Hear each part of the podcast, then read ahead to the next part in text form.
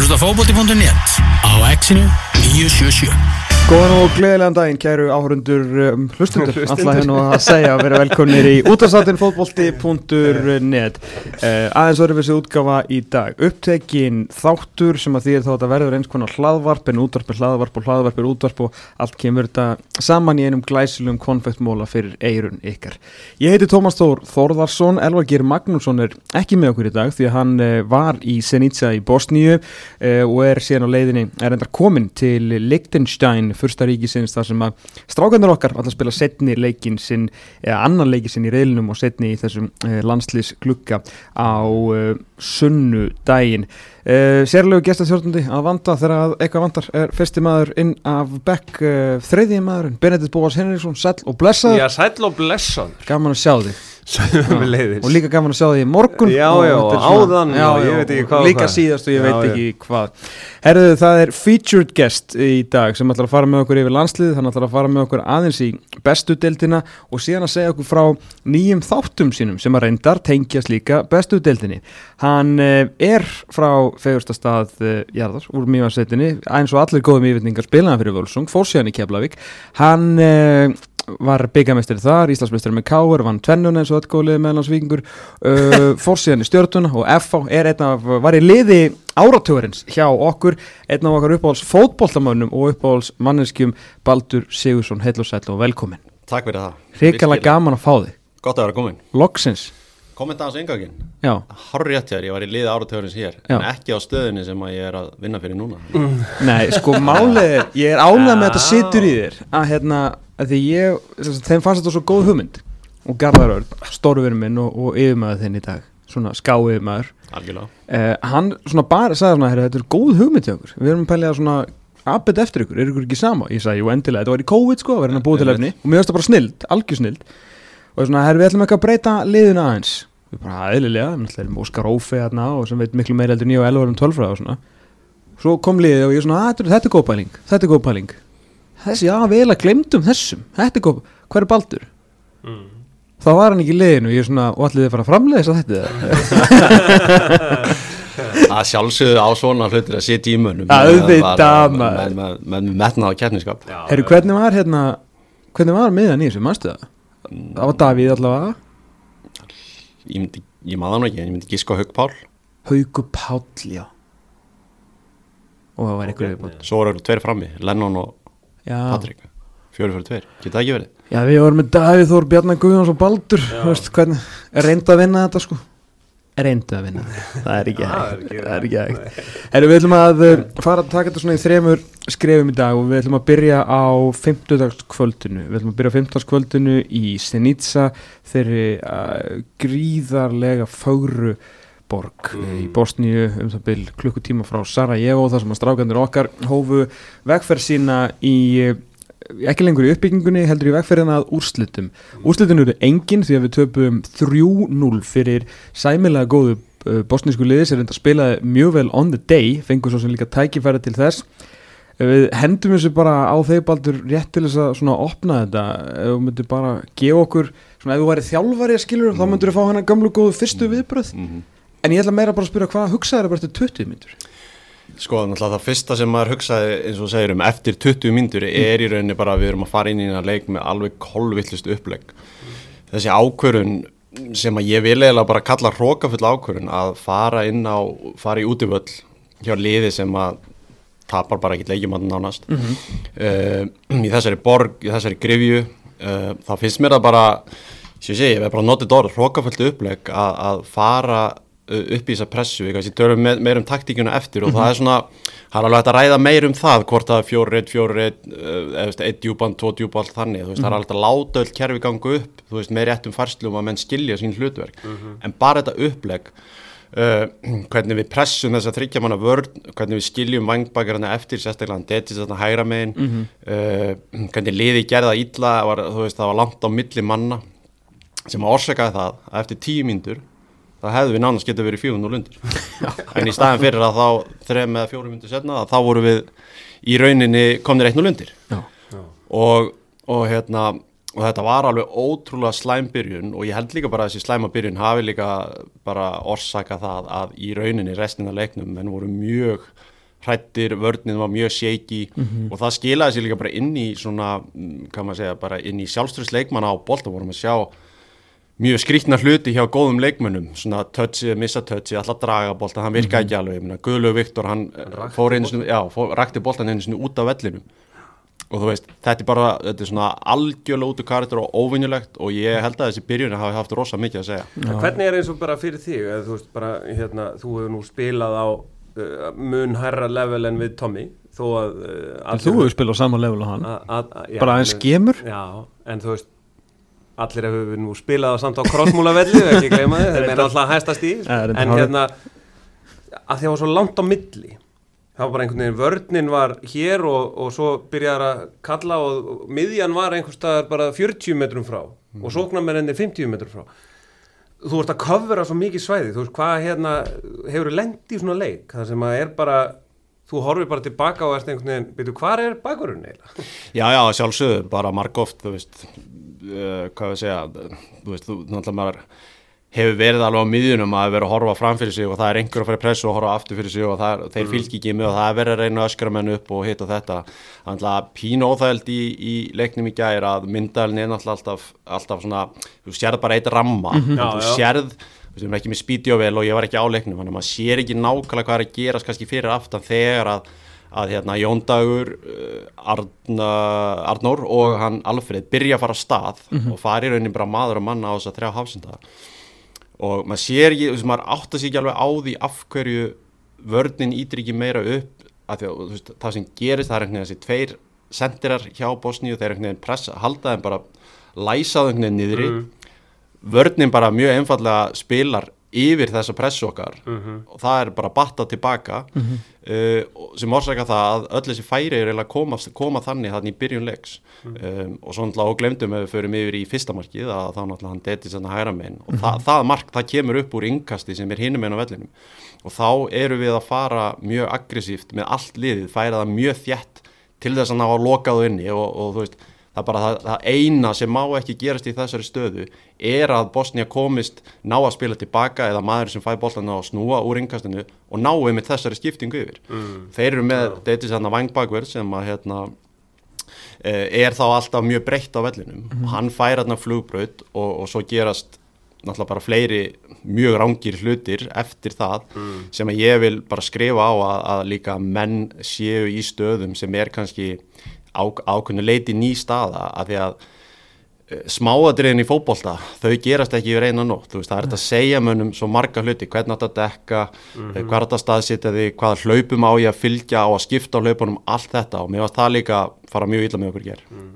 En svo fannst mér líka hérna, eins og svo sem Kára Átnarssoni, svona gjössalega blöskræð bara yfir höfuð, því að þú veist, þú getur hérna, lagt allt í heiminum upp og svo gengur þetta ekki upp. Og ég, ég svona, minnst það mjög góða punktu það er með bara þeirra hlutunir fóru mjög snemma í vaskin mm. að þá svona var bara kannski reynslan hjá mörgum ekki næ, næ, nógu mikil til þess að svona einhvern veginn koma sér upp úr þeirri hólu en síðan á endanum eins og bara í fyrstamarkinu bara menn svona aðeins beiti upphallegsvöðunum og mjöðmónum og smá grimt og bara svona hristi þess að menn í burtu þetta var bara svo, þetta var bara svo auðnt Já, var auðnt sko og það er þannig að ef maður horfir á, á fyrsta markið og, og hérna, sjáum hvað gerist eftir að þeir skipta bóltanum yfir að, að það gerist í fókbólta mm. það er aldrei að fara að spila heila leik nema það sé einhver fullkomin leikur að það er einhver svona algjör neyðar aðstæða komi Nei. og þá hugsaðu sem, sem, sem þjálfari sem búið að drila liði þá erum við ofta að æfa þennan neyða varnari hvað mm. gerist í því og hvernig hérna, hvernig ætlum við að reyna að verja markið okkur og, og þeir fara þarna, hann kemur á Davíð og, og Hákon sem kemur í hjálpuvörn og fer í rauninni inn á völlin en það sem ég veist kannski áhugaverðast er að, er að á, allan, á allur, allur hlaupunni tilbaka og þá er Jói Berg að hlaupa tilbaka til þess að koma í hjálpuvörnuna og allan tíman að þá er lið að falla, þá er hann svona á svona 70-80% spretti að horfa hvað er að gerast út af kanti, verður mjög bólvotching mm -hmm. og allan tíman er maðurinn sem ég man, ég man aldrei á þessu leikmennum sem mm. skorar, Já. hann er alltaf laus hann er við erum alltaf í yfirtölu þannig að mm. þetta er það sem ég var svona aðeins að vísa í, í hérna talumönni kannski ekki alveg, líður ekki alveg vel í þessari stöð og mm -hmm. áttast ekki alveg á hlutverkinu að það hættulegast að sem gerist í fókbalta er þú ert með tvær áttur og átturnar halda að þeir eigi bara að stoppa á vítategslínu alveg sem okkur sést með sexu eða áttu þá þarftu alltaf að koma niður og ef það er eitthvað hlaup þá verður bara að gera svo vel og fylgja því alla leðin í tegin og út af því að hann gerir það ekki og áttar sig ekki á því að þegar Arnar Yngvi fer síðan út og fer í þriðju hjálpavörnina í, í hérna, hann detits þegar hann er að koma inn á völlin mm -hmm. gerir það verkum, hafsindandi lenda báða með mann og þá kemur þetta eins og talar um þetta, þetta, þetta klafsa, ekki góða varnalegur eins og tala um að vera auðmir og endar á því að, að hann hérna, endar á þessum manni sem að snýr og, og klára vel. Og, og það er svona þetta sem uh, byrjar þetta. Uh, þetta mark síðan uh, svona einhvern veginn þá, þá var maður al, algjörlega búin að átta sig á því að svona, menn, voru, menn voru ekki að líða nógu vel. Og ég menna Guðlu Viktor hefur alveg leist hægri bakurinn vel oft á tíðum. Já, en, en, en, en það var alveg sko öskrandi ámann hvað var mikið þörfa á hann að hafa hann, mm -hmm. á miðunni líka þá mögulega til þess að geta kannski balansera liðið og í stöðu sem hann alltaf skilur best og mögulega þá að geta bara tekið aðeins stjórnum bara, herru, við þurfum mm. aðeins að þjætta okkur inn og svona mm -hmm. um, en, ég meina það var samt alveg mjög augljóst að liði var mjög, mjög drillað ég ætla ekki að segja vel drillað, það var drillað mm. það var búið að, hérna, það var búið að fara mjög vel yfir það hvernig er alltaf að pressa, hvernig er alltaf hlaupin alltaf vera og mann menn voru alveg sko gríðarlega peppaðar hérna í upphæðuleiks, það farið mjög aggressíft í hlaupinu eitthvað, þess vegna bara fljótt fjaraðanda því að þeir sá að þeir voru einhvern veginn aldrei að ráða eittni neitt við, eh, við eittni neitt í þessum leik. Sko það sem að ég tek eiginlega mest út úr þessu fannst mér að því að uh, ég er alveg samanlega með það sem Baldur er að segja það sem ég, að við vorum að, að við æfðum okkur rosa vel og við vorum undibúnir og allt hannig en við vorum bara undibúnir fyrir okkur sjálfa. Þá mér var svona það sem ég var bara pæli Býtu, undirbygguð er ekki, neitt, skoður er ekkit Bosníu, sko. Mm. Þeir leistu bara alls konar ef eitthvað situation komu, eh, það bara leistu þeir það og, og ég svona, mér fannst eins og undirbúningurinn, ég veit ekki hvernig ég hef að útskýra þetta, þetta er sko, við vorum undirbúnir en við vorum ekki undirbúnir fyrir þá.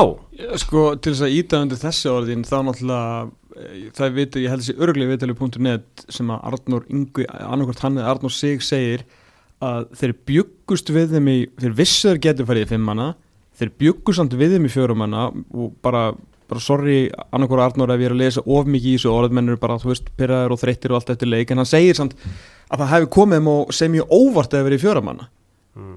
og ég bara svona maður svona stoppaði aðeins við við, við þetta komment, menn fara inn í eitthvað og eflust í trúgjöruna þeir eru undirbúinir fyrir annarkvort en mér finnst það samt svona svolítið útskýra það hvað þeir voru kannski ekki jafn undirbúinir að við heldum sko. kannski ekki til að breyðast við þegar mm. kannski voru með eitthvað upplegg en Já. þetta hljómaði þannig frá honum bara í þessari einu setningu eins og þið vissi ekki alveg hvað myndi gerast veist, hvað ef, Já. plan B mm.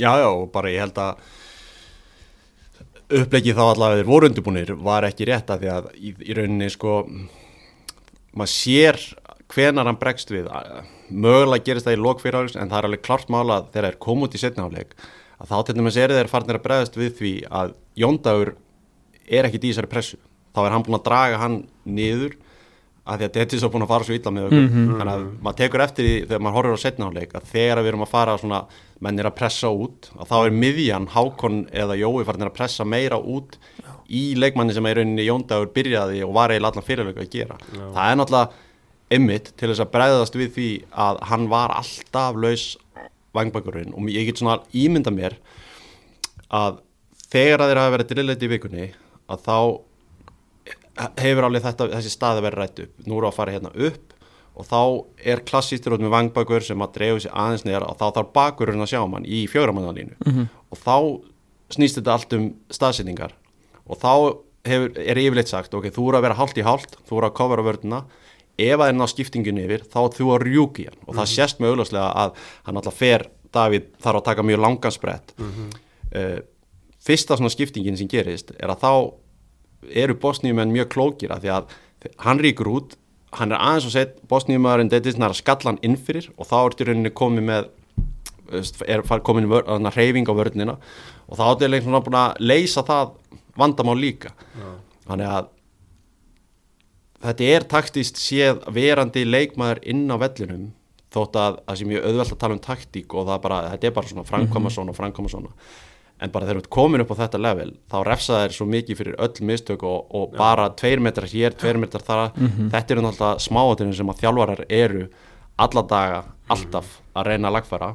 Og þú hefur náttúrulega bara fjóra daga sem aðstíðsjálfari, þess vegna er það trikki þannig að ég er engin vorkun og arnar en ég bara segja að, að, að þá þartu líka þá að vera með kerfi uppleg eitthvað sem allir skilja og líðu vel í. Já, Sko það var litblindur sænskur skóabóndi sem að mætti hinga til lands fyrir ja, áratug síðan frábæð fyrir svo mannlíf eh, Lars Læðebæk sem kom hinga með formúlu. Og jújú, jú, það er öruglega mjög þreytt fyrir sérstaklega sem er að vinna í kringum þetta dæmi núna að, hérna, að heyra alltaf vittna í gamla tíman en glemir því ekki að við fórum á tvö stórmót og náðum stórkurslegum úrslitum út um gerfallaveröld, hvort sem það vorum til stórliðum eða í svona nákvamlega svona aðstæðum hvort sem það hétt Albanía eða Slovenia, mm. skilur við ég ætla að samt, við þurfum samt auðvitað að taka það fram og þá vorum við með besta landslið Ísland frá upphafi. Besta landslismann, single landslismann Ísland frá upphafi besta markvörð, bestu miðverið, þú veist við vorum með besta liði, skilur, hann að hjálpaði þetta til. En er þetta samt ekki, er að koma í ljós að þetta er formólun okkar 35 til 40% með boltan max verja markið okkar og, veist, hérna, og vera bara þetta lið, við vorum 60% með boltan sko. Mm -hmm.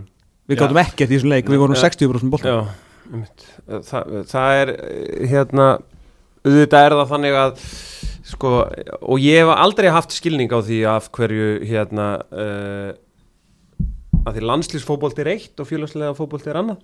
En hérna mér finnst bara að uh, hafa hend uh, veist, leiðin sem að við þekkjum og ég held að flest allir vilja veist, það er samalardags leiðin það er bara verjum okkar mark við erum lítið með boltan, berjumst fyrir land og þjóð þess, þess verður einhvern veginn sópað undir teppið og, og farið út með ruslið mm. og af hverju það gerist veit ég ekki til þess að spila fjóru reitt fjóru reitt sko. er... það, það væri í lægi ef við höfum séð einhver smá dæmi um þetta virki. Já, já, já, akkurat. En höfum við, þú veist, þetta átt að vera það skilur, við erum múin að tapa í tvö ár mm. fyrir þennan leik. Mm -hmm. ég menna, þú veist, Lalli tapaði fyrstu fjórum leikjónum árun hann tapaði síðan alltaf leik í sex ár, skilja, og síðan heimir þetta setna með þér, mm. uh, ég veit þetta er alltaf ósangjönd samanburur, en sorry, þú veist, þetta er bara samanburur sem við erum með, Algjörlega, við erum nýkomin út úr þessari visslu, sko, þetta er eini samanbur við erum ekki fara að bera saman með Óla Jó eða Eyjól, sko, þú veist, við höfum kynns betri tím það er eina sem ég er að spurja, sko þeirbaldur, er bara, þú veist, að því að þú sagði þetta strax í byrjun, bara fyrst árið svo notar var bara hrókafull nálgun, mm -hmm. en er ekki fjórrið fjórrið hjá íslenska landsliðinu í heldina frekar oft bara nokkur hrókafull nálgun?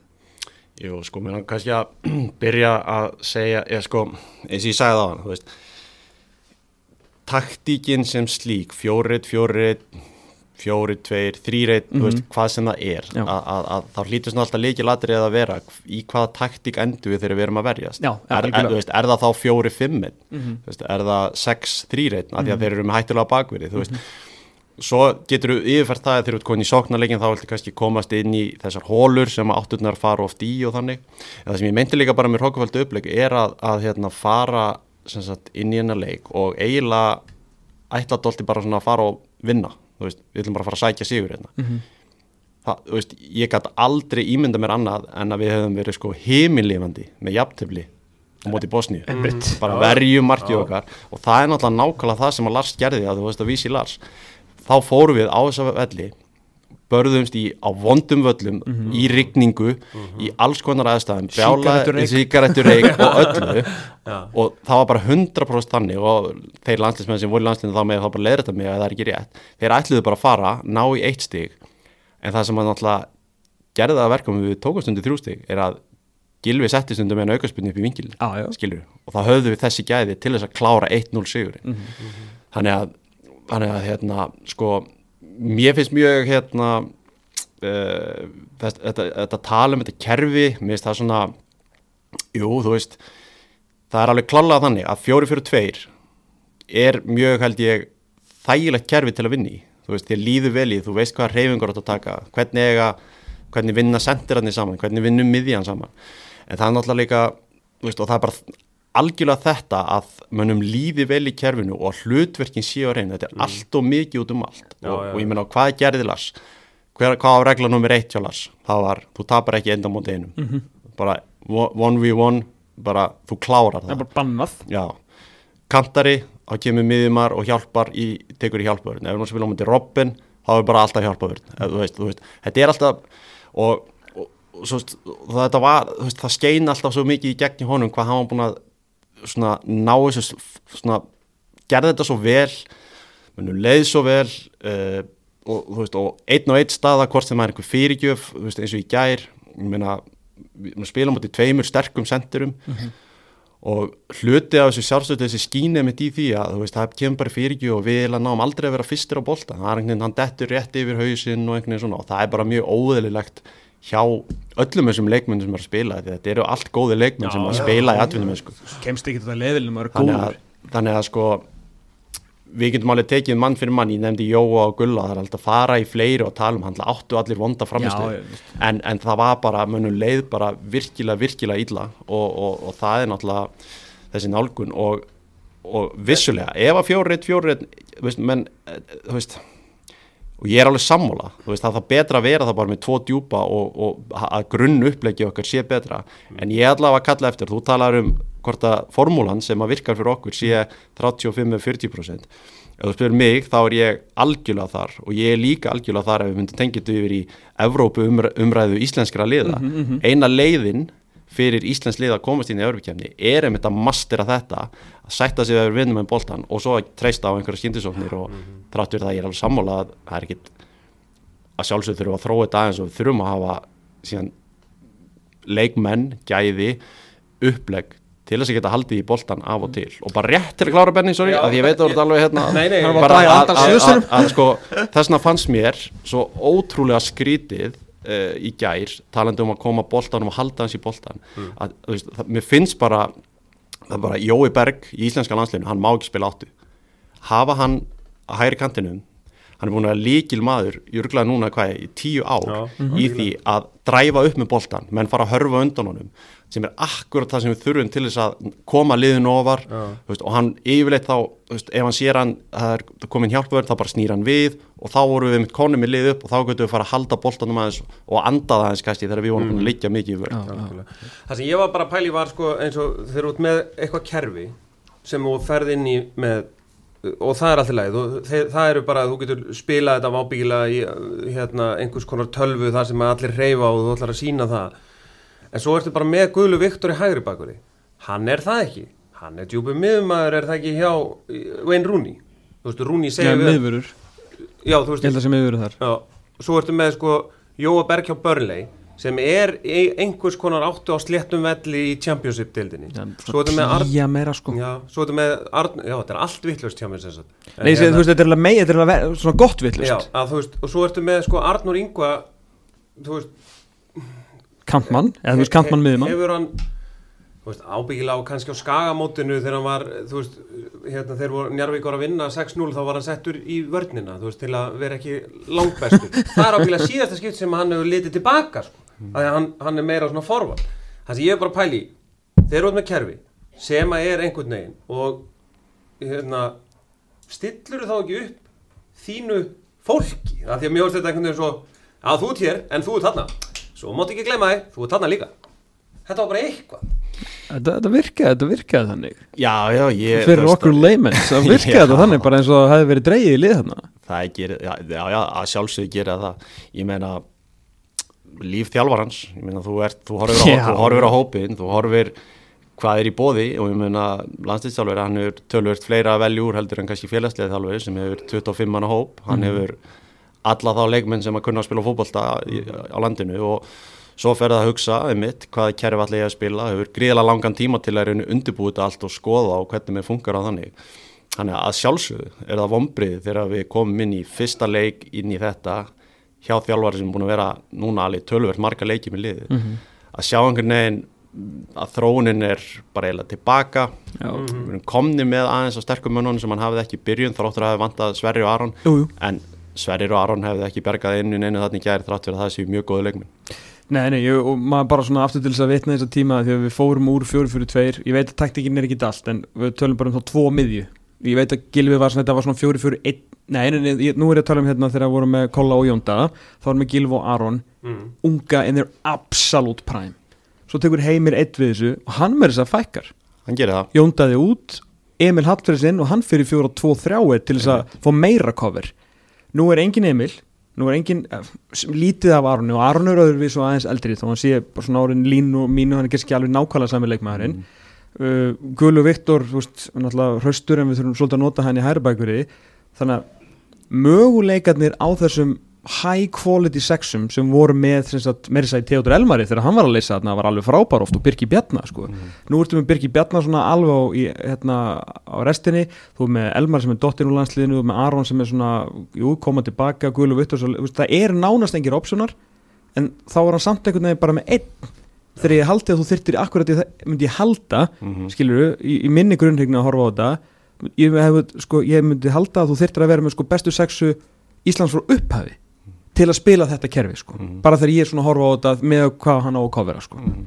Já, bara, mér finnst mannskap að þú varst að tala um að skilu þú lítur að velja út frá þessu með Já, akkurat og, og bara til dæmis bara eins og með Arnur Ingva greið sko, ég meina hann er hérna ég held að Hafi Martínez þegar hann var bestur hjá bæminjun það sem hann var með svona þennan 30 metra radjus einhvern veginn út um allan völl sko ég er ekki vissum að hann hefði staðið sér vel þarna þetta var bara svo mikið bil á milli sko. mm. og þá var ég að spá þú veist hvernig er það þegar þú ert bara í fullu starfi og út múin að skoða og greina og svo einhvern veginn endar á því að Arnur Yngvi eigi að vera tjúbur um miðunni sko. Já, já Þetta engul og kanti Allir sé að klippa hefur verið að klippa þetta um kvöldu og bara Þeir slökkuði bara og slöttu, slöttu, slöttu, slöttu. Við verum allan að vona já. eftir þetta hérna, batni, við getum drullega yfir þetta og við verum bláður í framhæli. Við verum bara vona falsi fara heil. Já, er það ekki bara, er það ekki bara? Eða við ekki að taka það? Við verðum að taka Póli. Nú er það uh, Lichtenstein. Þetta er bara svo lit 3-0 og, bara, þú veist, Guð blessi Arnald Þóð Viðarsson ef hann vinnur ekki en að leik frekar samfærandi, sko. Því að hann er svona álíka óvinnsæl og Guðni fórsöndi er vinnsæl En eitt, kannski bara eitt árið fyrir mútur það var annar leikur í rilinu já, reynda tveir aðrir. Mm. -hmm. uh, við sáum 0-0 í Slovaki mm -hmm. minna að við eitthvað skoðað þann leik? Nei. þar fyrir Luxemburg, Óduvöll stillir upp í 5-4 reynd mm. nánast ekkit XG mm. uh, fullt að skotum á sig en ná 0-0 Mm. konum við eitt stíg á erfum útvöldi og allt vittlust í slóki Já, þú ert að tala um sama land og núna búið að koma hérna, félagslegir sín í reylakefna erfubudeldarnar svona þrísásunum og síðustu fjórum árum. Já, ok, þannig að það er þeir séum einhverja formúlu? Já, mögulega. Já, ég skilji og mínu menn í FC Dúdelangi Já, Dúdelangi maður Við viljum vera Dúdelangi Við viljum vera, við varum til að vera Diffetangi Uh, að, herru við hérna gerum stutapásu, við komum tilbaka og þá fyrir við að tala um bestu deltina og svo ætlum við líka að ræða um lengsta undirbúinistímbili heimi sem er ekki lengur uh, bara frasi, heldur sjónvastáttur Velkomin aftur útastátturinn fótbolti.net í hlaðavarp skástrík útarsformi þetta skiptið. Tómas Þóru og Benedikt Bóas með ykkur sérstakur gestur þáttanins Baldur Sigursson. Smalinn sjálfur sem að eh, hóf vegferð sína í sjónvarpi á eh, síðustu leiktíð. Því það vonaði að verið síðust. Þetta er ekki bara eitt ár komin núna, þetta er ekki fyrsta? Það eru tvö, já, já. Uh, nú er að fara, það er búin að vera tæklinga vandamál uh, þannig að þú verður að passa að vera nálat þegar þú talar. Og getur bara, er svolítið eins og þú séu að svara hraðspurningum í getur betur Herðu, hérna, þú ákvæðast að stíga, ég ætla bara leiða mér að segja vantala aðeins út fyrir þægjanda ramma nú ert orðin meira en bara pöndit uh, með þína eigin sjónstætti, lengsta undirbúinistíðanbíli heimi sem að þú tókst þátt í í svona 20 ár og fann svo gaman að þú ákvæmst að taka enn frekari þátti þráttur að komin á eftirlaunni í boltanum. E, þættir þar sem þú fóst og fylgdir eftir sex leiðum e, og bara fóst að æfa með þeim e, núna um hávetur. Bara please, segð okkur, bara kveikjan bara hugmyndin hvaða leið þetta voru og Akkur í anskotunum ákvæmst að fara að æfa í snjó þegar þú loksins losnaður undan þessu? Ég ætla að mynda, það er nákvæmlega kvöldingin sko sem ég ætla að segja, það er bara hérna, þú veist, saknaður þess svona mikið að þú bara, veistu að ég verða að taka eitt tíum og núna með sexliðum, ok, koma og að berja. Herri, já, sko, uh, ef þið viljið fá löngu útgáðan af þessu, það getur farið yfir hann þá, hérna, þá var eiginlega þannig að eftir einmitt uh, tímabili fyrir tveimur árum sem var einmitt fyrsta, fyrsta hérna, sumari mitt í sjónvarpinu. Að, að þá bara kemur eitthvað hugd þetta, þetta er eitthvað sendilega í oktober og, og mér langaði bara að búa til eitthvað efni við veturinn mm -hmm. og, og þú veist það er líka alltaf, alltaf þessi endalins umræðum bara veist að fá fólk á völlin og reyna að búa til efni og hvernig mm -hmm. getur við gert og, og það fyrir maður bara svona brainstorma og veist, þá bara fæ ég þessu hugmynd. Er að búa til einhvern þátt um undirbúinstímbilið um, hún var alveg búin að fara Veist, á marga vegu sko, veist, það var meðal annars að vera bara að æfa heila viku með einhverju líð og eitthvað sem hann hláði glórlust en, en svo svona var ég komið með svona mini-konsept sem er svona grunnurinn af því sem við erum með í dag. Já. og hérna en, en var alveg svona að velta þessu fyrir mér. En síðan bara emitt eftir fyrsta árið þá náttúrulega hefur maður ekkert, þú veist, ég er ekkert með mikið sjálfströsti eitthvað í mér og ég hugsaði með mér að þetta verður aldrei gert. Þannig Nei. ég hef ákvaða að fara ekkert lengra með það. Okay svo núna eftir síðust tímpil þá fór ég að fá þetta aftur í hausinu og mér langaði til að gera eitthvað og, og mér langaði líka bara til að sína því að þið er að tala um hvort að mér langaði svo mikið til að fara, fara hérna, að æfa aftur. En mér langaði bara líka til að sína fólki í rauninni hvað uh, leikmenn eru í raun að leggja mikið á sig og það er svona margt sem spilar inn í það. Bara fyrsta lagi bara svona æfingafjöldin, ákjöfðin við hvað aðstæðar menn er að æfa. Uh, uh, það er oft verið að tala um að menn sem kannski fá mikið borgað fyrir framlag og allt hannig og ég er náttúrulega kannski Vantilega kynst í hafa alls Svo gott að Ben er ekki með mæk núna alveg brjálar og, og þú veist það er svona mér langaði bara til að gefa fólki insýn í þenni heim og ég ákvað þá að gera þetta bráðminlega og bara þetta svo undir góðan vinn minn Hannes Haldós sem er nú sannlega besti leikstöru okkar í dag mm. og það sem að gerði útslæði var að hún er leist vel á þetta og sagði svona með smá breytingum sem að Gerði hann þetta með þér?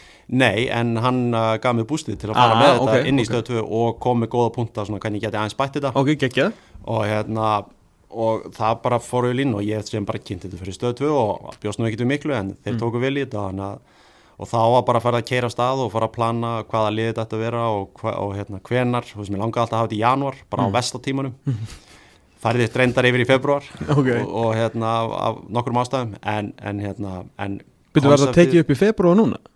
Februar núna á þessu undirbúinstími Já, hvað er þetta bara benta bíli? Þetta er bara nýbúið að gerast? Nánast, nánast, nánast okay, Nú erum við bara að vinna þættin á fullu bara viku frá viku, við fórum bara í að sína þetta beint og Já, ok Það var svona púst líka bara með liðin að, að hérna, mér langaði að hafa þetta erfiðustæðingar vikunar, þannig að þetta voru svona yfirleitt eru þær, mánda þrjóta miðugdagur mm -hmm. því að svo eru menn svona inn í helgin eru leikirnir og þannig já, já.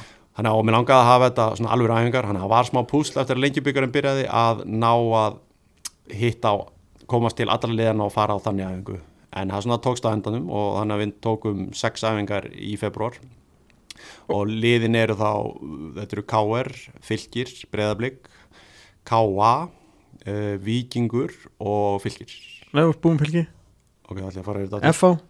Nei, þetta Nei. er svo að þetta er KR, Fylgir, Breðafleik Vikingur, Keflavík og Káa Okay, og, og, hérna þið eru ekkert eins nýval sko, þannig að ég veist að þú bara farið þetta peninga hana, komment bara byngt í andl ja, mest í bömmirinn er einmitt að hafa ekki náð að fara og heimsækja öll liðin. Þú veist þetta var erfitt, ég kynnt þetta það eru bara næstu sex á næstu leiki já, já, já, já, já veist, en, meina, sko, en hva, hvað er konseptið, ég veit, þú búið að segja æfa, hvað er bara svona grunnkonseptið í hverju þætti? Grunnkonseptið er, eð, eð, í sína einföldustu mynd að þá er það viðtal við þjálfara sem að svona kannski ber upp í þáttin mm -hmm og viðtalið á að fara svona aðeins dýbra kannski í fræðin, þetta er kannski ekki beint hugsa og ég kynnti að þannig fyrir stöðtusport að þetta væri ekki beint kannski fyrir hinn svona almenn áhuga áhuga mann uh, eða almennan sjóas áhóranda mm -hmm. þetta er svona fyrir bara það sem hafa virkilegan áhuga á fókbólta og ætti svona að gefa það kannski mögulega aðeins svona fara aðeins dýbra í fræðin og fá bara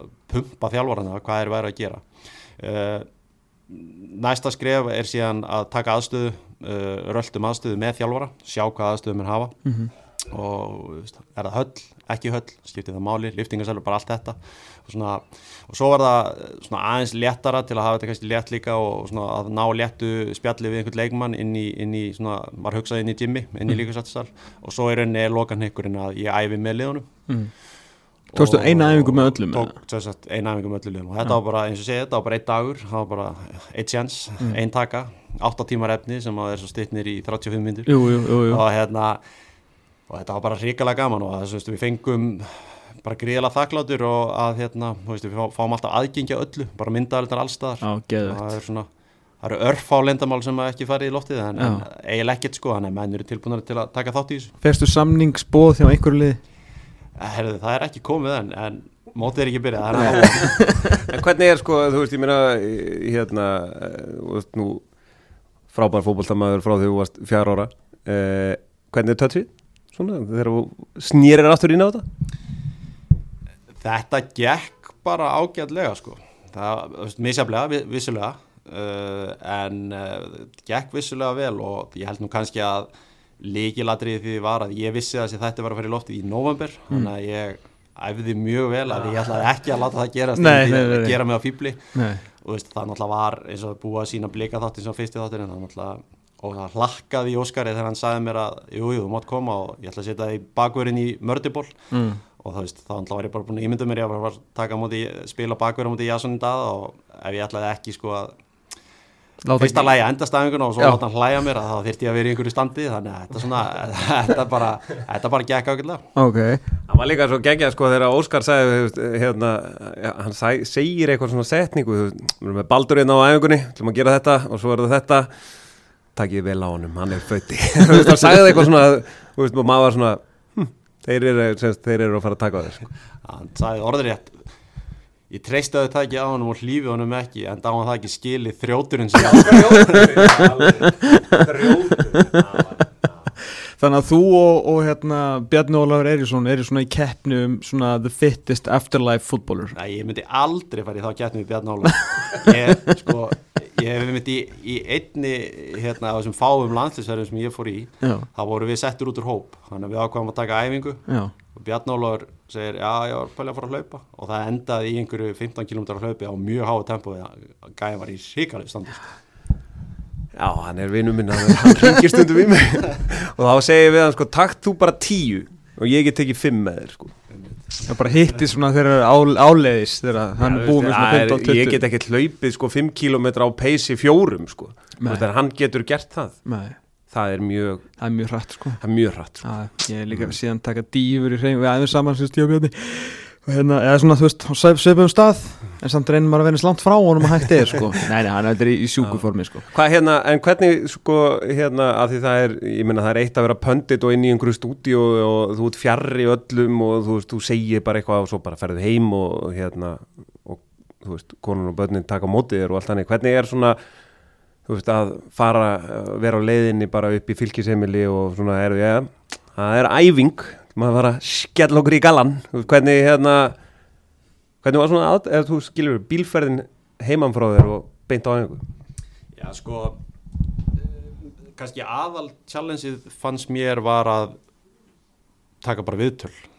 Veist, það er ekkit veist, eitthvað sem ég bara aldrei nokk tíma gert og já, já, já. þannig að undibúningsvinnan við að, að hérna, undibúa viðtöluðin hvernig það átt að fara fram þú veist við í rauninni erum konum í konsept eins og þegar við tökum fyrsta þátt í upptöku þá náttúrulega eru við í rauninni að búa til þáttinn þannig. Einn bransarspurning, hver tók upp með þér? Siggi, tópmaður Sá besti. Og, sá besti. Og við hérna sagt, já þannig að það var alveg rétt sem þú segir, þú veist, það var smá stress bara hvað væri að fara að gerast.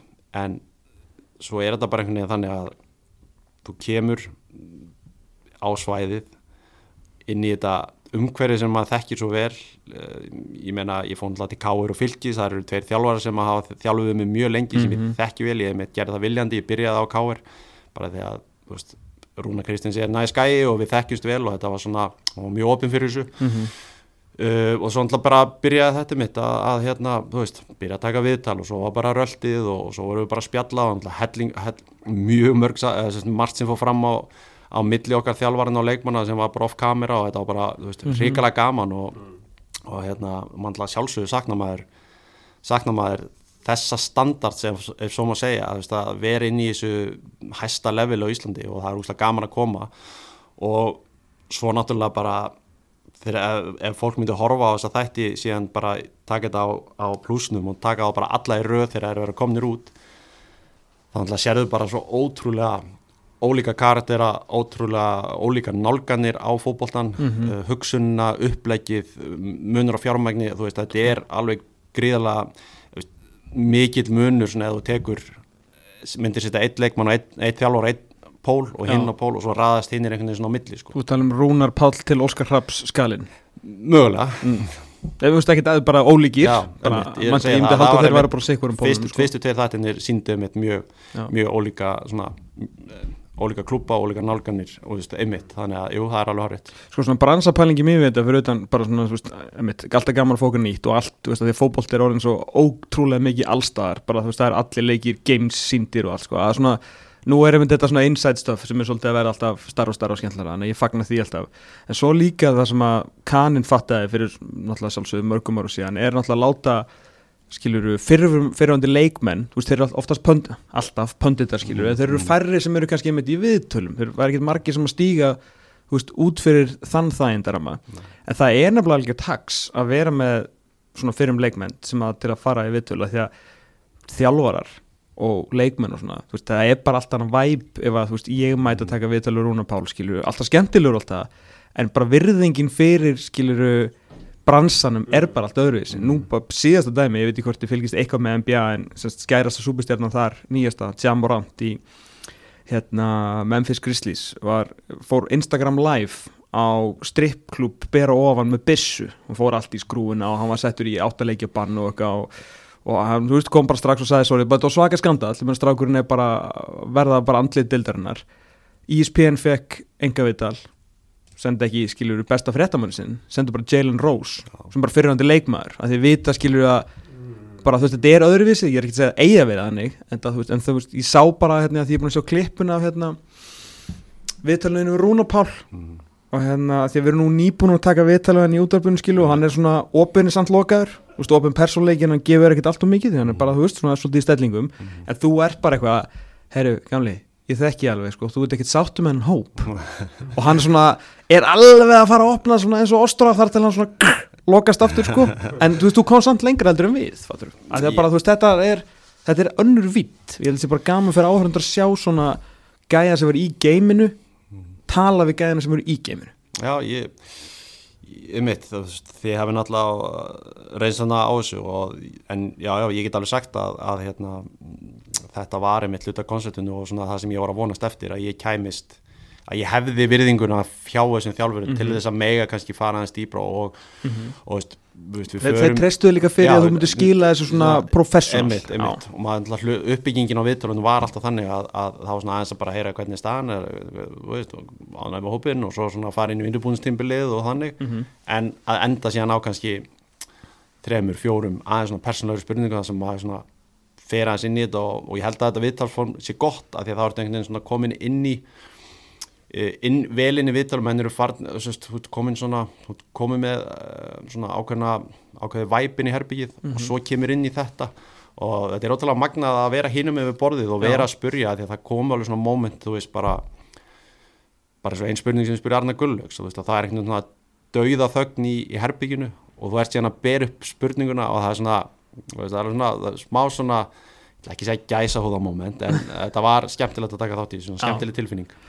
Lærður þér eitthvað hérna, eins og nú ertu búin að vera með pöndit allan síðustu tvö árin þar sem við höfum verið að horfa á bregðarblik og viking svona gera eitthvað nýtt, gera eitthvað öðruvísi svolítið þú veist taka þessi móti í nefið þó það getur vel breyst í, í ár. En allan að þú búin að vera einmitt að horfa svona outside looking in í fyrsta sinn akkurat þegar þetta er að gerast. Mm. þegar þú fóst uh, bakutjöldin með þeim skilur þú núna betur og munum við skilja betur af hverju þessi lið svona tóku kannski tvö skref fram úr hinnum allan í byli uh, Já sko hugsunarhátturinn og metnaðurinn og einmitt svona upplegið er þú maður sér alveg að, að, að, að breyðablík og vikingur uh, er einmitt að þú veist varðandi hlaupa pottana, tæknina, leikgreininguna og svona vinnuframlæðið er alveg klárlega eitthvað sem að þeir hafa sett svona smá nýja standard á þetta. Um, svo kannski sérðu líka um, hina nálgununa að, að sko vinnuframlag þjálfara, annara þjálfara sem koma fram í þessum þáttum er náttúrulega gríðalegt, mm -hmm. þótt að það sé ekki akkurat kannski millir 8 og 5 og svo æfingin. Það er eitthvað sem fram á kvöldin þú, þú mynd aldrei komast nákvæmlega að því hvað mann er að leggja mikið á sig en það er þessi náttúrulega ólíka sín á fókbóltan mm -hmm. að þú veist, þú ert bara með í eftir til 12 mismöndi þjálfara sem að hafa alla sína sín á, eh, allar ólíka sín á fókbólta Rúnaball sæði bara í sínum þetta ég, bara, ég er með minn leikstíl sem ég trú á ég hef náð árangurum með honum mm -hmm. og ég er með þetta lið og, og þú veist og, og, og þú veist bara virðingavert að gera þannig og ég meina sjáum það í kárþóttunum og það er alveg verið umræðan um það að káringanir eru rosalega ánæði með nýja aðstæðaþjálfana sinn. Og það er náttúrulega líka bara mikið til að því leitin til að hann kemur inn með uh, kemur inn úr atvinnumanna umhverfi og færir þá umhverfið í káir upp á næsta stig sem að var kannski einmitt það sem var komið einmitt í breyðblíku viking mm -hmm. og við sjáum hjá káa veist, ég held að það sé mjög gaman fyrir fólk það er næsti þáttur að sjá hjá káa að það sem Arnar hefur verið að gera og, því, og búið sem að hattið þá að taka við núna það sem þeir hafa verið að byggja upp á Akureyri er mjög flott umhverfi. Og það bara mögulega bara því að þeir eru fyrir norðan ég held bara að svona það sé ekki að mikið talað um það Nei, fyrir sunnan. Spurðu bara hatta Já, nákvæmlega. Þannig að mér varst það bara mjög gaman að sína þetta en hann bara Nei, ná, þeim... einu, ná einu landsbyðaliði en það er ekki gaman að kíkja til eiga líka og sjá Flottu þegar maður ná þriðarsettinu fyrir líka. Hvernig er sko eins og hérna, þú veist, mér eru alltaf fundist pínu výrt að tala við þig. Þú veist, við erum búin að þekkjast frá því að við vorum guttar. Uh, Þú fóst bara á æfingu hjá Hatta þú veist þið eru bara æskuvinir. Let hann þig heyra það og var sparkaðið og sparkaði hann í þig? já, já. Já, hann eiginlega sparkaði inn í sko, erum bara báðið að sjá það á, okay. á, á, hérna, í þættinum á sundagin að hann fór bara mjög illa með mig og ég mun, mun seint fyrir ekki á hann og það og ég mjög hlakka mjög mikið til að fjalla um káa þessum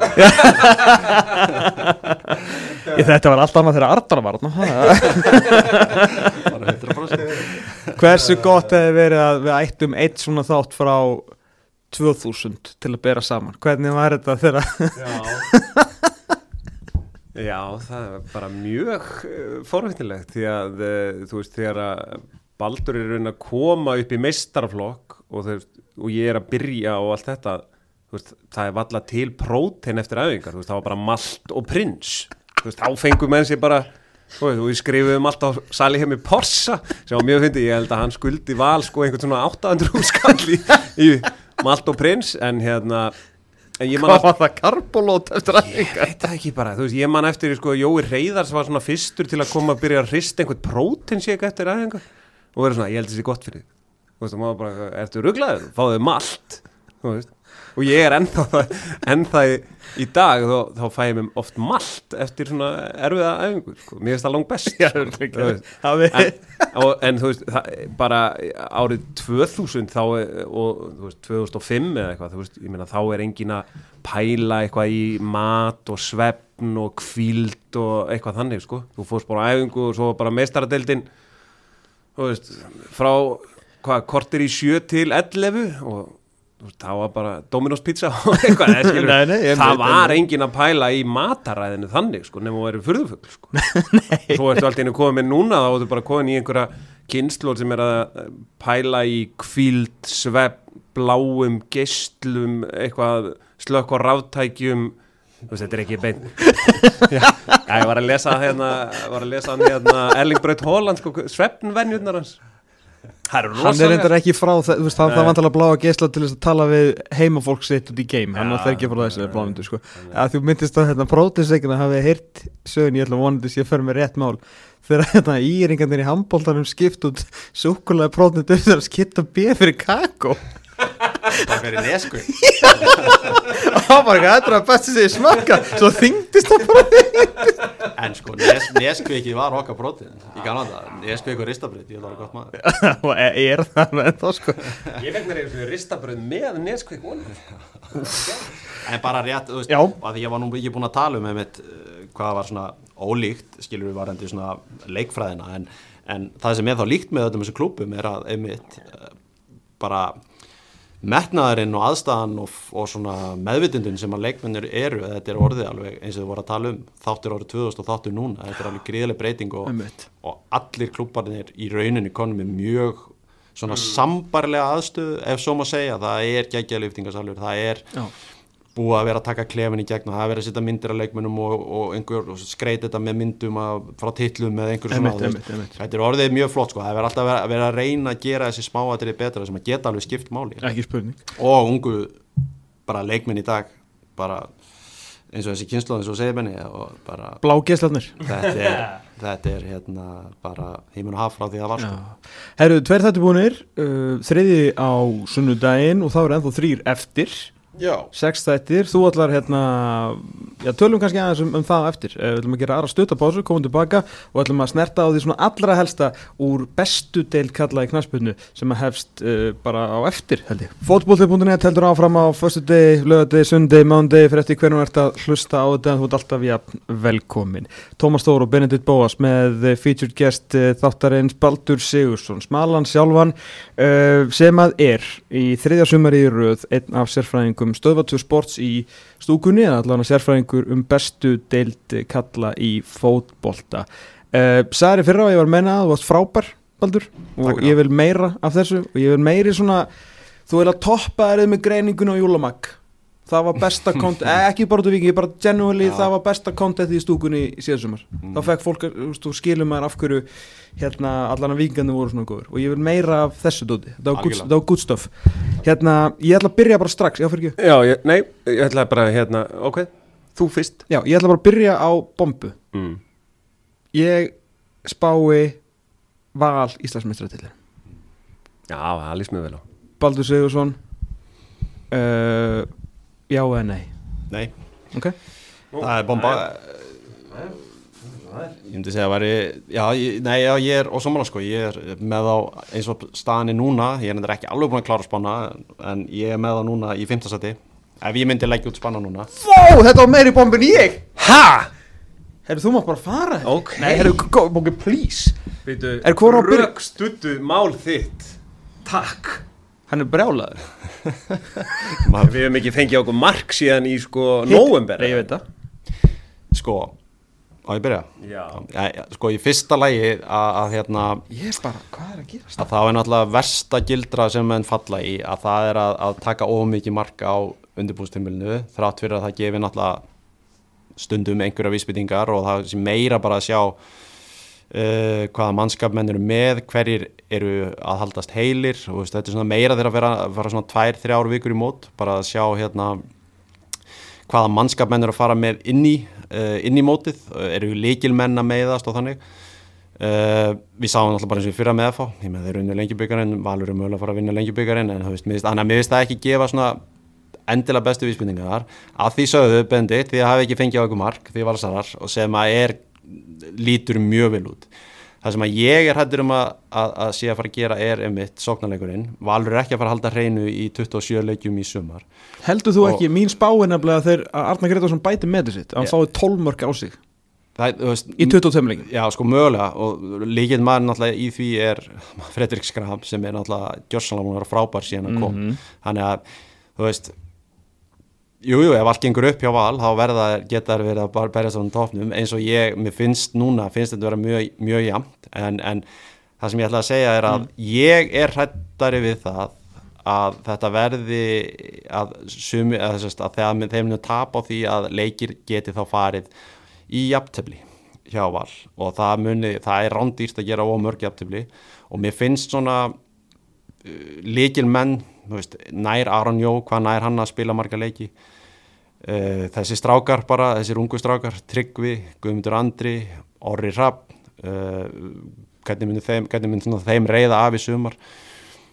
Kitty Freyr, verður hann hérna er hann að fara svona komast aftur í gamla valsformi sitt? Birki Már, mér fannst svona mér fannst hann ekki svona bara, byrjum bara að segja það er ótrúlegt að hvað gæðin getur ennþá hlaupið en hann svona framlæðið hann sóknarlega með að það vera búið minga töluvert síðasta sumar þannig að svona já, vörninn, þú veist, muni Holmar og Elvar halda áfram að fungera vel eða uh, hann hlinur það ekki hann, hann, hann hefur verið bæðið það ekki hafsend og djúpur er það ekki, mm. rétt um mér. Jú, bakur líka. Og bakur, hann er svona ég finnst ennþá og mörg, mörg spurningamerki þannig að það er alls ekki meiri bomba hjá mér Tómas að segja að það er endi í fymtasæti en að þú sért að fara að spá einhverju öðru en að, að breyðablík vinni titilinn með að við svona hvernig þeir líta út og með hvernig mannskap þeir eru með Verður ekki breyðablík töfur ekki fyrir leikni og í böf Nú, nú ætlum ég að fara að segja gild, gild, gildran, nú er það gildran sem þú ert að passa að falla ekki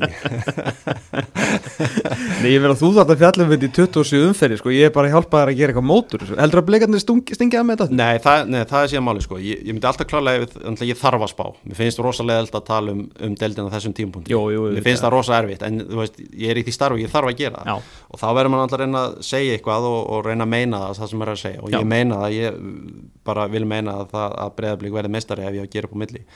En eins og vorum að ræða, ég hef aðeins fengið að heimsækja liðin og ég hef aðeins mhm. fengið að sjá svona væpið, ekki hjá náttúrulega öllum, ekki hjá val sem hefði verið gaman að sem og hinu liðunum mínu gamlu fylgjum í stjórnunni og FH ég er búin að sjá þessa leiki, ég var á FHK núna þrjú tvöleiknum sá hann uh, æfingarleikur og, og, og það er svona ég veit ekki hvort ég er á jákvæðar en það eru bara bísna mörg lið sem að líta alveg bara bísna vel út Semmulega. ég var með veist, ég var með ég er náttúrulega með vikingarna uppi.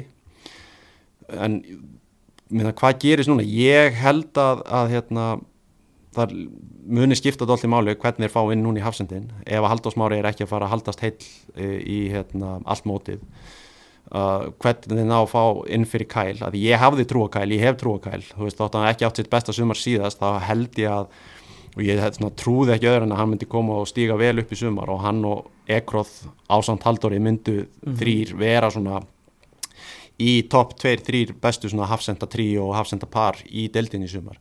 Þannig að það svona gefur aðeins spurningumerki og að sjá þegar við komum út í mótið hvernig þessi samvinna þá Pablo og Matta held ég sem að minna enda þarna á miðjunni eða Viktor Öllu líka mm -hmm. sem verða þarna minni, hvernig þeim munir reyða af, út af því að það var alveg ástæð fyrir því og talaði um greiningun og Júla Max í þessu sumar það var alveg ástæð fyrir því tókana því að því líkur leiki leikmar og svona í, til að halda balans á liði og hvernig mm -hmm. hann skildi sitt hlutverk var alveg magnað og mér fannst það að gefa vikingum svo ótrúlega mikið og gaf til dæmis leikmanni eins og Pablo tækifara og blómstra en það sem ég er að segja, sem hún sé K.R ég held að staðan hjá þeim sé þannig að það eru með alla heila mm -hmm. ég held að FH séu með langflesta heila og að maður fer í gegnum hópin og skoðar veist, bara nöfnin á Breðablík, á Viking á Káa, á FH á Val að, að hérna, þá finnst mér svona emitt, sem, veist, ég held og ég vona að við séum að fara að fá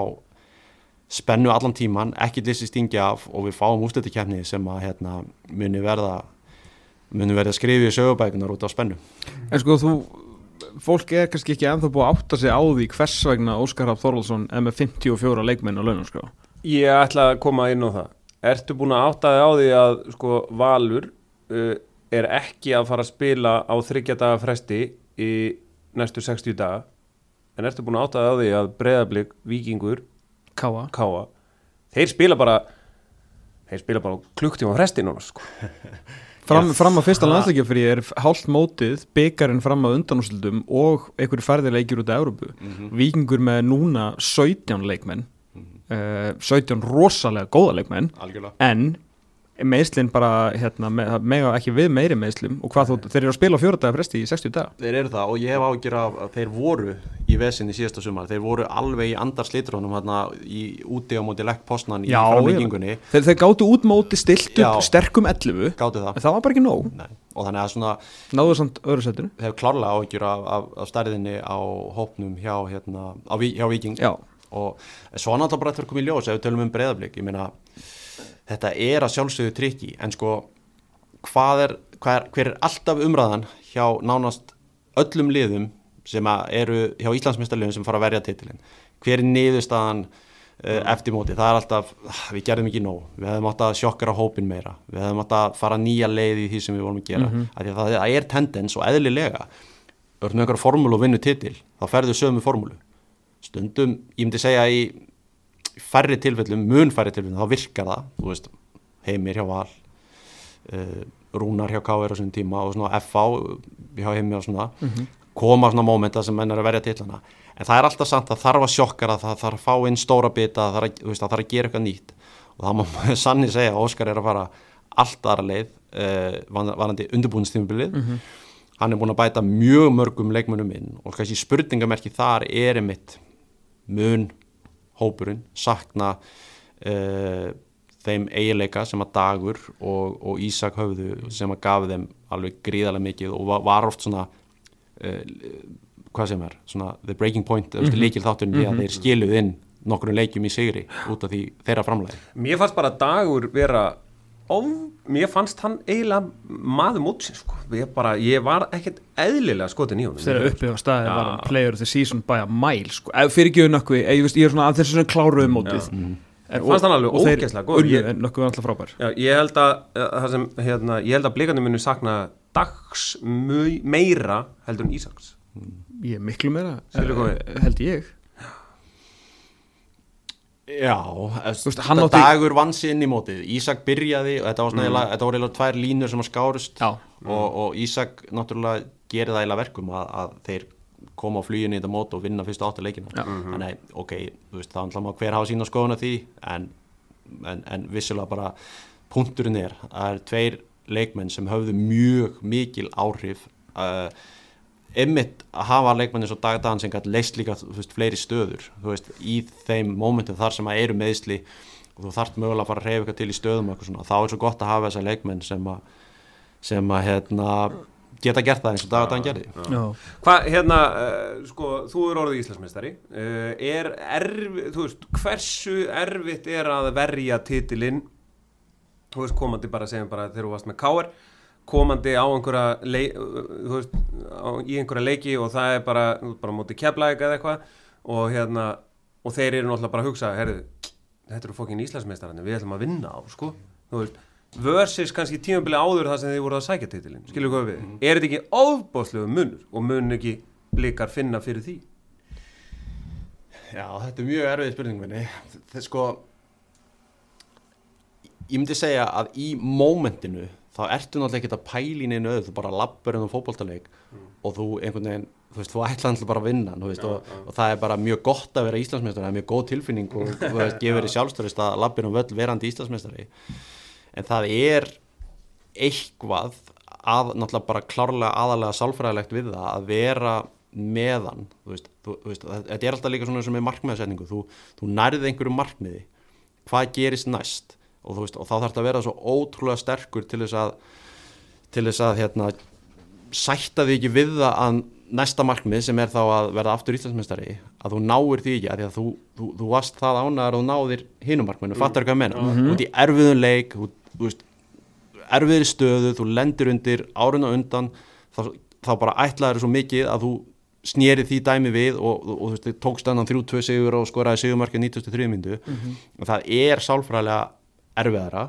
mm. þegar þú ert búin að ná markmennu að því að það auðveldasta í heimi í Íþróttum er að gefast upp mm -hmm. og fara að hugsa veist, ég vann, vann teitilin í fyrra veist, það er bara það sem er að auðveldast í heimi það, er, veist, getur, það skiptir engum máli hvaða Íþrótta er en það, er, það auðveldast í heimi í Íþróttum er að, hvað segir maður að hætta og, og, og það er meiri líkur því finnst mér ef þú ert búin að ná markmennu sem var svona stefnaða lengi. Ja. þess vegna er þetta erfitt. Og svo getur við kannski spurt leikmennar sem voru í FA og gullaldtífunu þeirra í val og gullaldtífunu þeirra sem að vörðu tilla þessu, þetta er ekkit mál bara hafa trúar Nei, það er alltaf líka svona eitthvað, eitthvað kultúrsköpun skástrygg að vera bara með sögulega góð lið, valslið 17-18 trillt, náttúrulega þetta FA bæði gullaldtífunu, eða svona það væri bæði sem að vinna mm.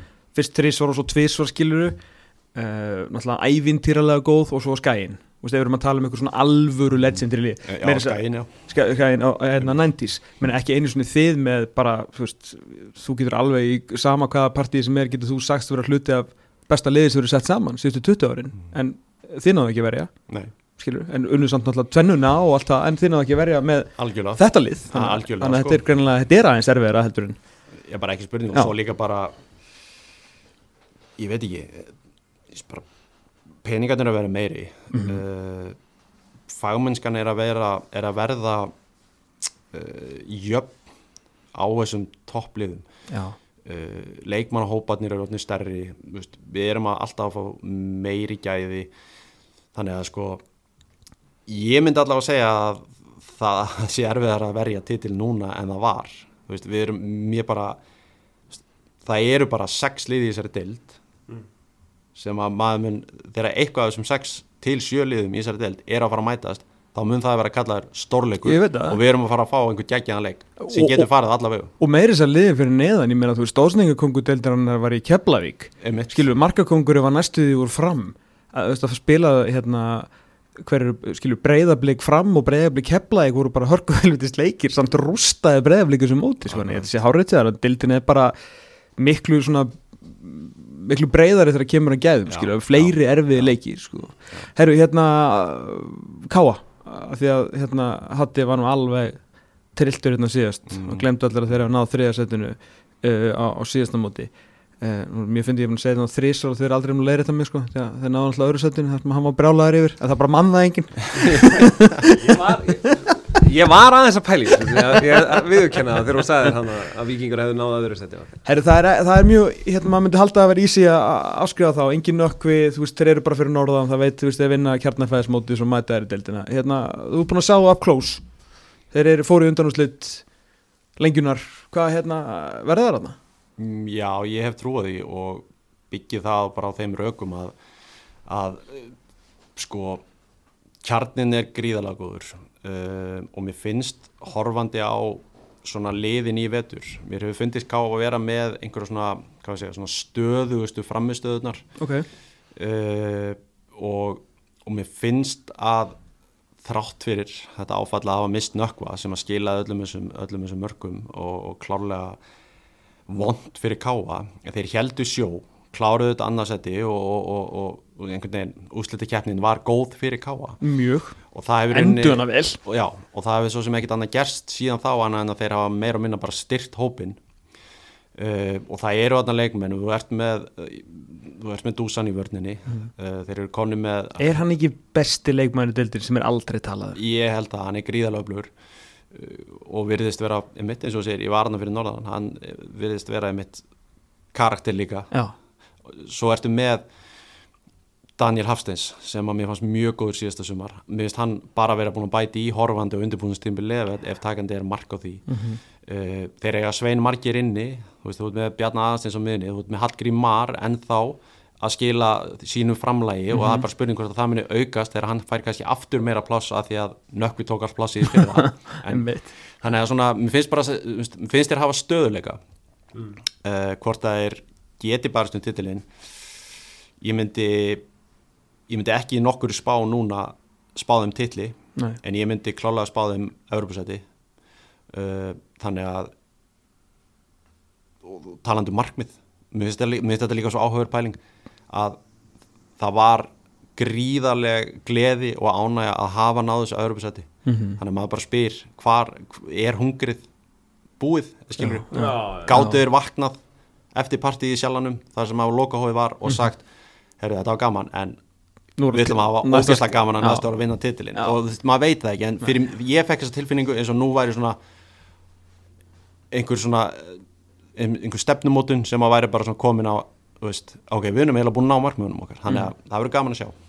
Er, er einhver leikmaður núna, hérna, þú veist ef þú mættir veljar að vera umbósmaður tvekkja þryggja leikmaður núna sem að þú myndir, ef þú fengir bara fyrstu tvö til þrjú pikkin sem þú myndir velja þér í, í svona þína skristuðu að þú veist að þeirra fara að gera eitthvað svona einhverjir svona Já, ég, ég myndi alveg vilja vera umbósmaðurinn hjá Ísaka Andra mm. hjá, í stjórnunni okay. hafa myndi séð leikina með stjórnunni í vetur það sem að Er hann að mæta next level? Já, hann er bara, þrepp? bara hann er hann, sko hann valin efnilegastur fyrir að verðskulda mm -hmm. en það sem hann verðist vera bæta í, maður var svona smá hrettur við hvort að hann myndi, hvernig hann myndi höndla það mitt að fá þessu aðtegli og, og líka það að þegar menn fá aðtegli þá fara þjálfarar og leikmenn að pæla meir í honum hvernig þetta verðist honum á þannig mm -hmm.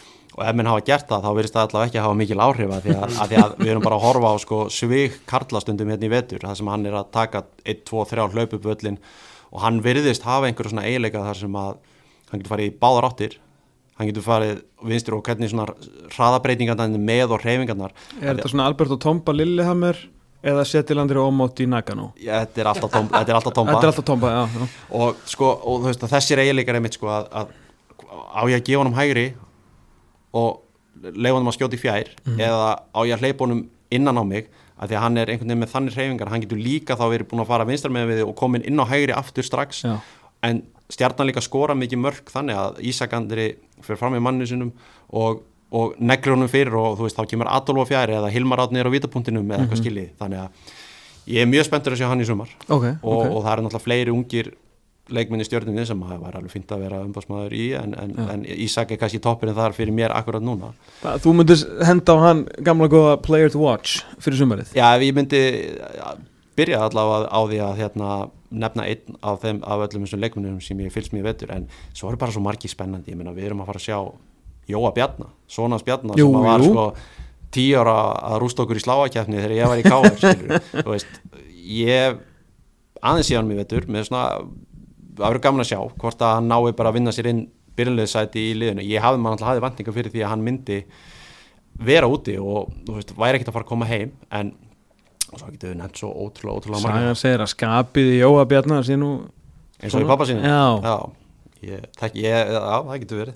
Það er svona verið svolítið að tekla á kæft en það er bara besta máli Já, þetta þetta er fórhundilegt, fymta sæti, já. Hann er, Benni er búin að þakna þið þegar þú sagði fymta og hann er ekki mætt til leik síðan. Nei, ég er ennþá í sjokki bara. Heldur þið ekki bara svona skátina með það á hlýðarenda ef að liðmyndi endi í fymta sæti Uh, nei, ekkert sérstaklega sko. ég held að hérna, við stefnum mjög hátt sko. ég held að það sé alveg bara leint og ljóst sko. og hérna ég bara held þetta liðmun ekki fá þessi mark þó þú sem dósamalagi sko. ég bara, ég veit ekki hvernig ég vona, ég var alveg til í eh, rock solid titil uh, þú, þú væri til í það? já, ég væri til í það Nú, með hérna með hérna markatölni svona 20 og uh, svona 31-12 hvernig líst þér á það? það er bara, það er mjög gott Já, ég... Hvað ætlar að hafa marga árundur völdin? Sko, 31 til 12 Já, ég minna, sko, það er nú til marga leiði til að vinna fókbóltalegi sko. það þarf ekki að spila einhvern 2017 eh, fókbólta frá val, sko, þegar við spilum fa fallegan fókbólta en þú veist, þú getur náðið þrjústi hvernig sem er, sko og hérna, ef að þrjústígin koma bara með rock solid 1-0 sigri, ég þykkan Já, ég ætla ekki að mótmanna því ég er, ég, ég er fyrstum maður til að Mikið leikmól maður Já, og að horfa á fallega varnarleik er eitt af skemmtilegta sem ég gerir sko. mm. ah, Herru, hérna förum aðeins uh, í... Er þetta verið að búi? Ég er á svona svongun wow. Hvað er mikið þetta? Gestastjórnandi hérna Hafa það hægan okay. Hérna Baldur kom sko nestaður, ég sé aðeins eftir því sko. Við fórum í búð þá erum við komið, þú horður á mig kaupa langlóku. Ég dætti eitthvað aðið hátti dæmi. Þú veist að tala um eitthvað fólk. Ja. Hittir af einhverju konu sem hann eru ekki hitt í 15 ár Fór að spjalla við hana, hefti sér ekki að bóla það Og nú er hann fann að væla ja. Til þess að vera með batni mm -hmm. Herru, hérna, fara nýlega þið nýr Nei Ætlar það að senda þínu gömlufila? Ég held ég verði því mér að gera það þótt að mér þykir mjög sárt að segja það sko. En ég held að háka færi niður og ég held að það verður tætt, svona tilfinningi sem þetta verður tætt á milli háka, nei milli keflaðið og fylgis það er spurning hvernig framarðinni koma fyrst er ekki að hafa verið samfærandi en þeir voru það náttúrulega alls ekki í fyrra heldur á undirbúinstöflunum þannig að það eru bara algjört Þú verður alveg að passa að lesa ekki um mikið undirbúinstöflunum Nákvæmlega. Ekki góðu maður. Bara rétt á. Þannig að sko ég held að Ég er nefnilega með til þess að hérna, búið til hérna, dialog. Ég er nefnilega að vara að skipta um leiðisetti vali eftirsetti bara í fyrradag. Þá sett ég fylgin neðsta. Já er svolítið eftir að horta hann að hann vill ekki fá leikmenn og eitthvað. Mm. ég held að mm.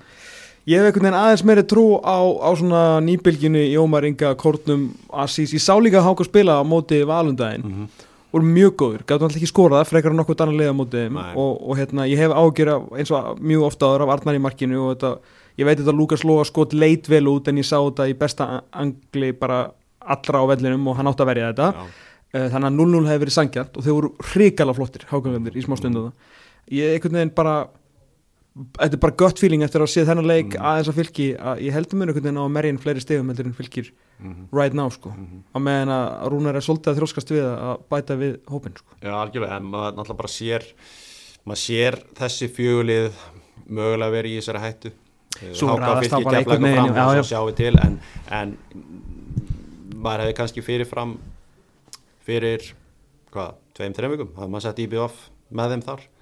En að því að það er svo mikið marka að taka á undirbúinstíma Nákvæmlega, sem ég hef alltaf sagt. Að það að líta, hérna, lítu eigamenn ótrúlega vel út í, í þeim leikjum Já. í sínu leikjum og hérna Þeir komið einhvern veginn svolítið high flying inn allt í hennu og unnu FH blika. Já. Bara, bara samfærandi samfærandi Já, þeir, fóru, þeir eru búinir að fara úr því sko, þetta líka raðaði svo mikið þannig síðasta sumar í stúkunni að ég lendi mjög mikið í því að fjalla um IBF þannig að ég pældi mjög mikið í þeim og var að hérna svona mjög mikið, ofta að tala veist, að ekki að hósa þeim, tala ílum þá eða þannig að bara svona gaggrína þá mm -hmm.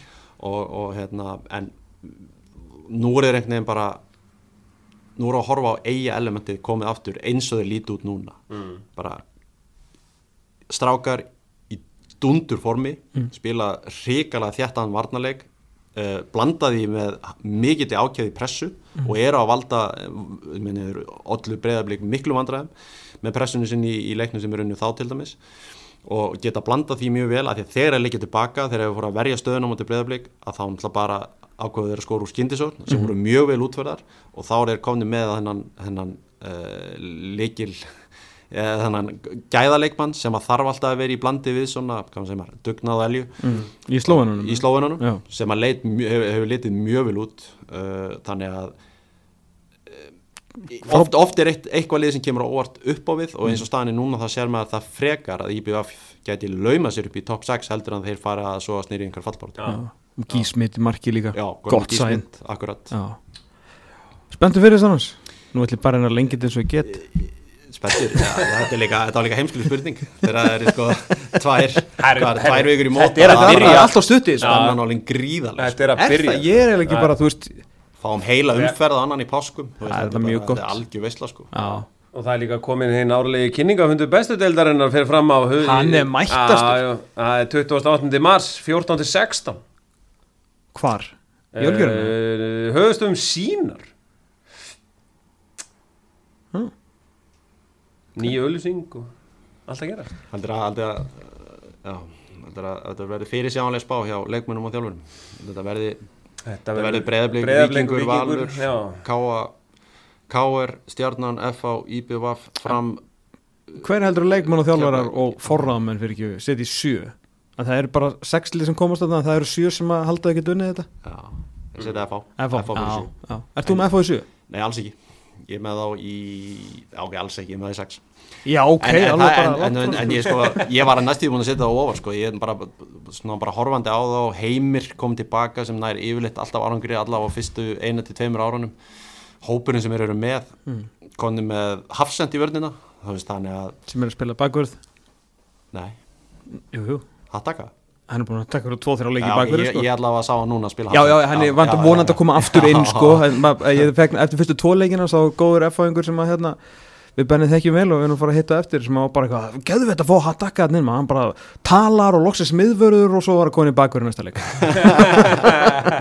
En hann er ágreinlega hann á að vera aðna hérna, hann lítur vel út, þetta er hann sko, ég held bara að sem ég segja að heimir er bara hlægandi, það er engin að pæli þeim og það verður, mjög gaman að sjá hvað þeir gerir svona sko. Já, þetta verður allan ekki 11 umferðir fyrir júni þannig að það verður allan nóg að fókbólta nóg að gera hjá uh, þér uppbytuna þátturinn einhvern tíman um páskana Já, Já.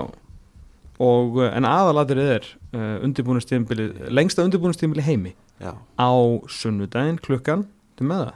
Nýju Klukkan nýju á Stöðtvö Sport Ísland það held ég Herru þá held ég fyrir að slá bóttunni í þetta þannig að eh, Benny Greið fá nú eitthvað að borða. En takk samt fyrir að koma og vera með Benny ég kann hrigalega vel að mynda það. alltaf gaman að fá þig. Herru ég, ég þakka þér líka fyrir að koma til mín.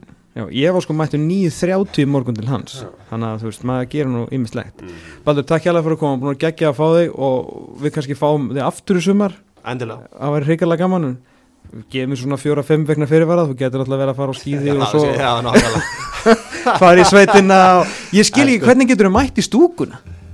Þetta er alltaf, þetta sýtt alltaf skipulæningu Skipulæningu, verkfræðingur. Verk. Það er líka verið gaman að koma aftur þá getur maður sagt eitthvað að viti, nú er bara eins og ég segi það er ekkert gaman að tala um þetta núna þegar maður er alltaf bara gísk eitthvað og svo yfirleitt það sem maður segir það er einhver bölgu vill Já ok, þetta er enda bara svona sjö mánuður af líf okkar elva svolítið en það er alltaf góð Erðu, hérna, takk hjálpa fyrir komin og stráka við fórum yfir bestu deildina þáttir hans Baldurs og íslenska landslið. Eh, Elva ger ekki með okkur, hann er í Lichtenstein akkurat núna en við verum inn aftur upp í 16 og 20 tíma þannig til